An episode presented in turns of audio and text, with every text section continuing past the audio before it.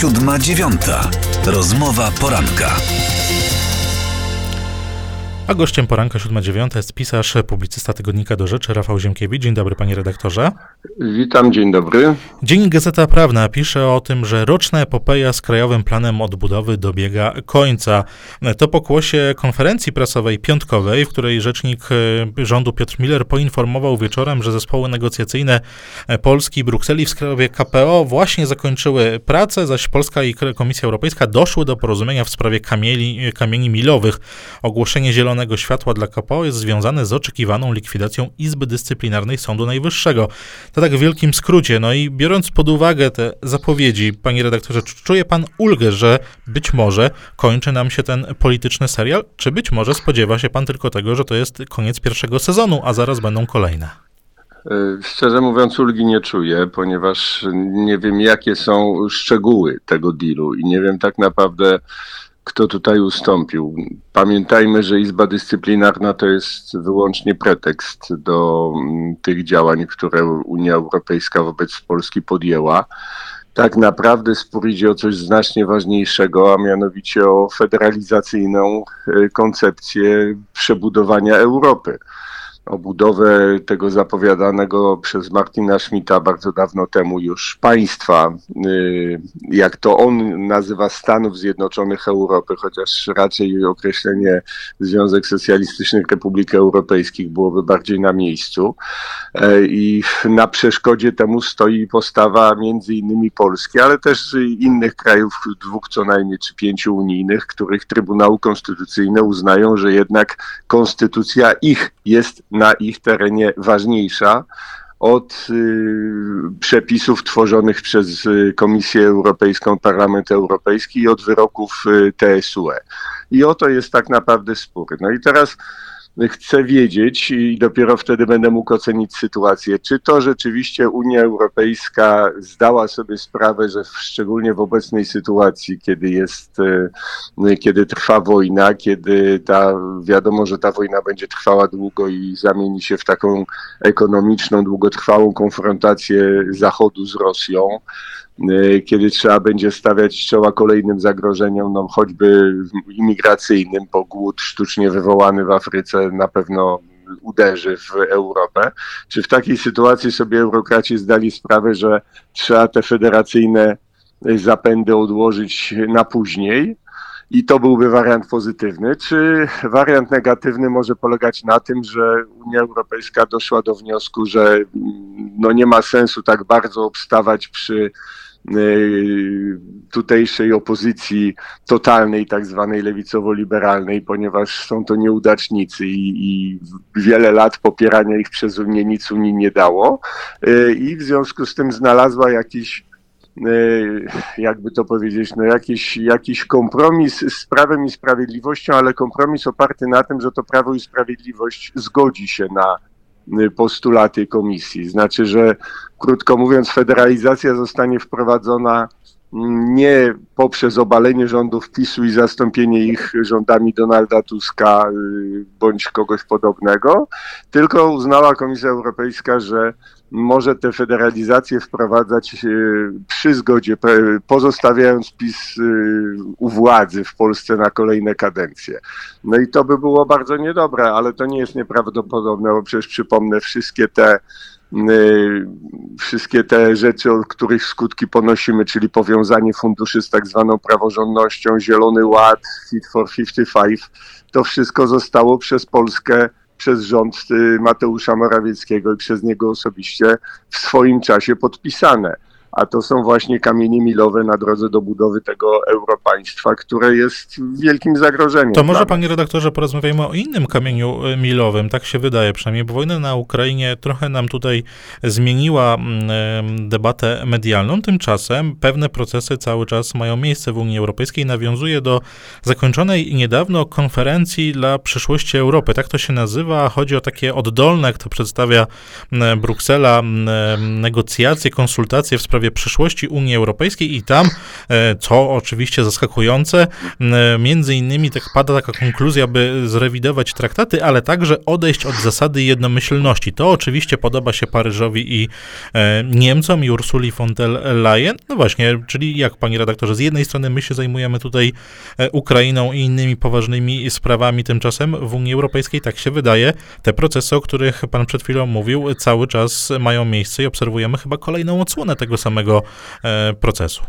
Jak najbardziej mają miejsce i tu widać, że y, machina jest na tyle rozpędzona, że ona wojny na Ukrainie tak naprawdę nie zauważyła. Znaczy, ta konferencja jest takim dość y, y, śmiesznym, no trochę sowieckim w stylu wydarzeniem. Mnie to mm, skojarzenia z dzieciństwa przywoływało. Był taki Światowy Kongres Pokoju, który w czasach mojego dzieciństwa obradował e, w różnych krajach i tam byli jacyś delegaci z wszelkich organizacji społecznych, rozmaitych i było to niby, niby jakimś właśnie oddolnym ruchem światowym, który miał na celu pokój, ale chodziło oczywiście o pokój sowiecki, to znaczy o to, żeby się rozbro rozbroił Zachód i żeby Rosja Związek Sowiecki y, swoje cele w ten sposób osiągał. I mam wrażenie, że ten, ta, ta konferencja dla przyszłości jest czymś podobnym. To jest jakieś szaleństwo, to, to jest jakieś fasadowe kompletnie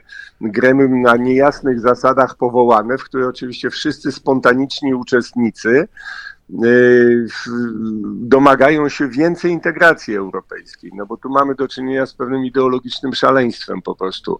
Więcej, jedyną odpowiedzią na kłopoty integracji ma być więcej integracji. Tak jak na wszystkie problemy socjalizmu, problemem było, y, na wszystkie problemy socjalizmu odpowiedzią sugerowaną przez y, komunistów było więcej socjalizmu. I, i, i naprawdę przestrzegam przed tym obłędem, ponieważ to musi się źle skończyć. Próba budowy państwa y, scentralizowanego, z y, przemiany Unii Europejskiej ze Związku Wolnych Państw, które scedowały część swoich kompetencji na wspólne organa Y, w jakieś oberpaństwo, gdzie te wspólne organa zaczynają sobie uzurpować prawo do bycia europejskim rządem, europejskim parlamentem i europejskim sądem najwyższym, to jest droga do takiej bałkanizacji Europy przy tych sprzecznościach interesów ekonomicznych, które są w Europie, przy tym jeszcze właśnie młocie y, drożyzny, inflacji, imigracji, który bardzo pogorszy Y, warunki życia w zachodniej Europie, a zacznie się taka walka, ona już trwa o to, czyim kosztem to się ma dziać, no bo oczywiście Niemcy podtrzymują swój poziom życia y, de facto kosztem państw południa, Włoch, y, Hiszpanii, Grecji, co już wywoływało napięcia. Te napięcia to jest nic w porównaniu z napięciami, których zaczną być wywoływane, kiedy jakaś będzie centrala unijna i będzie się w każdym kraju będą te centrale oskarżać o to, że to naszym kosztem, prawda, my dokładamy do tego interesu, a Bruksela przepompowuje te nasze pieniądze do innych. To jest przecież mechanizm, który moje pokolenie jeszcze pamięta. No, w Polsce mówiło się i we wszystkich krajach socjalistycznych mówiliśmy sobie, dlatego jest u nas nędza, bo wszystko do ruskich wywożą.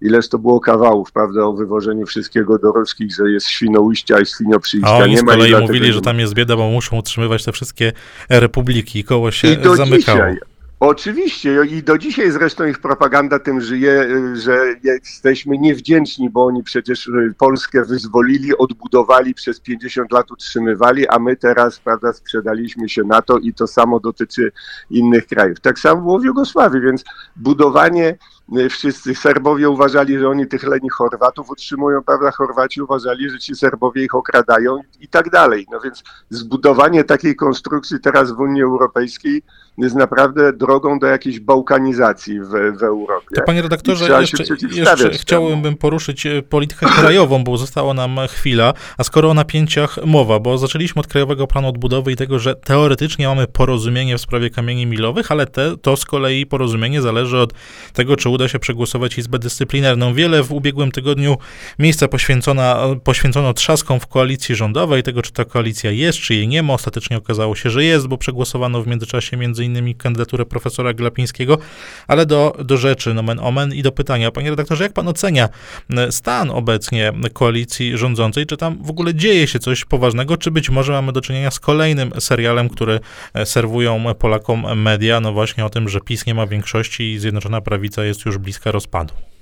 No to są takie, nie można powiedzieć, że pobożne, ale są to życzenia.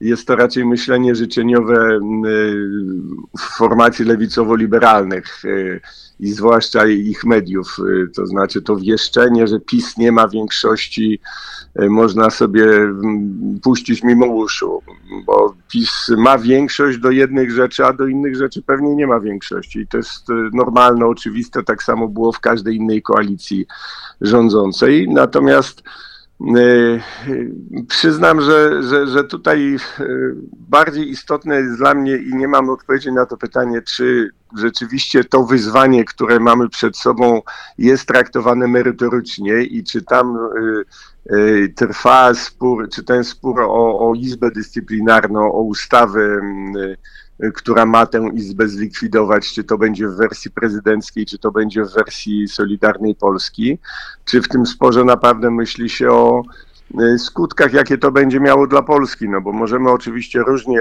skonstruować prawo, ale proszę zobaczyć, że e, tutaj Najpierw y, przez wiele miesięcy wskazywaliśmy i słusznie prawdziwe argumenty, że Unia Europejska nie ma prawa na nas naciskać w tej sprawie, że wszystko to w ogóle powiązanie tych spraw jest jednym wielkim bezprawiem, przecież przypomnę, nie ma żadnego oparcia w traktatach dla tego, żeby Komisja Europejska blokowała KPO. Komisja blokuje KPO na takiej zasadzie, jak, jak Rosja Putina w jakie się gniewała na jakieś państwo, to, to, to blokowała eksport nie ustawą, że blokuje eksport, tylko na przykład inspektorzy stwierdzali nagle fitosanitarni, że w polskim ziarnie są bakterie jak Polska spełniła jakieś tam oczekiwania Rosji, to wtedy inspektorzy stwierdzali, że nie ma bakterii. I tutaj też oficjalnie Komisja Europejska po prostu sprawdza merytorycznie nasz plan odbudowy tak tylko półgębkiem powiedziano, właściwie jawnie powiedziano, ale że będzie tak długo go sprawdzać, aż spełnimy ich oczekiwania, które nie mają oparcia żadnego w traktatach. Ten spór, jeszcze wrócę do tego, co tam się działo na tym tej konferencji, proszę zauważyć, gdzie orzeczono, że trzeba odejść od traktatów i właściwie spór był między panią van der Leyen a jastrzębiami takimi, że pani van der Leyen legalistycznie powiedziała, że no skoro Unia Europejska jest, działa zupełnie poza traktatami, to należałoby zmienić traktaty, ale wielu twierdziło, że nie ma potrzeby zmieniania traktatów, bo możemy tak dalej, no po prostu opierając się na niczym zupełnie. I to jest wielkie wyzwanie. To jest dla mnie spór w koalicji, no nie jest kwestią frakcyjną w tej chwili, tylko to jest naprawdę pytanie o przyszłość Polski. Czy, czy w imię zachowania większości parlamentarnej na przykład można można zgadzać się na to, że de facto polska konstytucja nie obowiązuje w Polsce, bo ważniejsze od niej jest orzeczenie. I pozwoli pan, panie pani. redaktorze, że tym pytaniem, pytaniem do słuchaczy zakończymy naszą rozmowę, bo to są oczywiście pytania ważne, można wręcz powiedzieć, że fundamentalne. A moim i państwa gościem, gościem poranka 7-9 był redaktor Rafał Ziemkiewicz, pisarz, publicysta tygodnika do rzeczy. Bardzo dziękuję panie redaktorze. Dziękuję serdecznie. Dziękuję. Siódma dziewiąta. Rozmowa poranka.